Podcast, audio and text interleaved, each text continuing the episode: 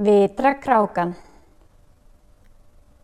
Einu sinni var kráka sem hafði ekki fengið neitt að drekka í langan tíma.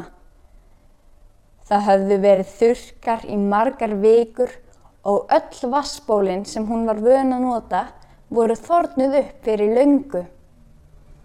Hún var búin að fljúa lengi, lengi þegar hún loks kom auga á vaskönnu. Þar ber vel í veiði, hugsaði hún og sveif niður að henni og ætlaði að stinga höfninu ofan í. En hvað var nú þetta?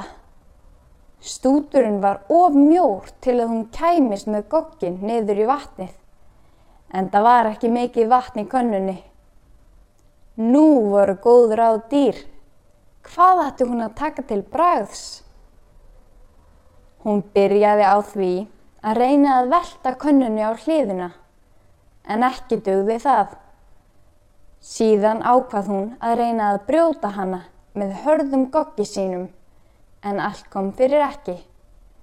Nú var úr vöndu að ráða, en þá kom henni snjált ráð í hug. Hún týndi með gogginum fjöldan allan af litlum steinum sem hún let falla ofan í könnuna. Smátt og smátt sá hún vass yfirborðið liftast og endanum var það orðið nógu hátt til að hún gefði svalað þorsta sínum. Já, það á ekki að gefast upp þótt á móti blási. Úr dæmisögum Esóps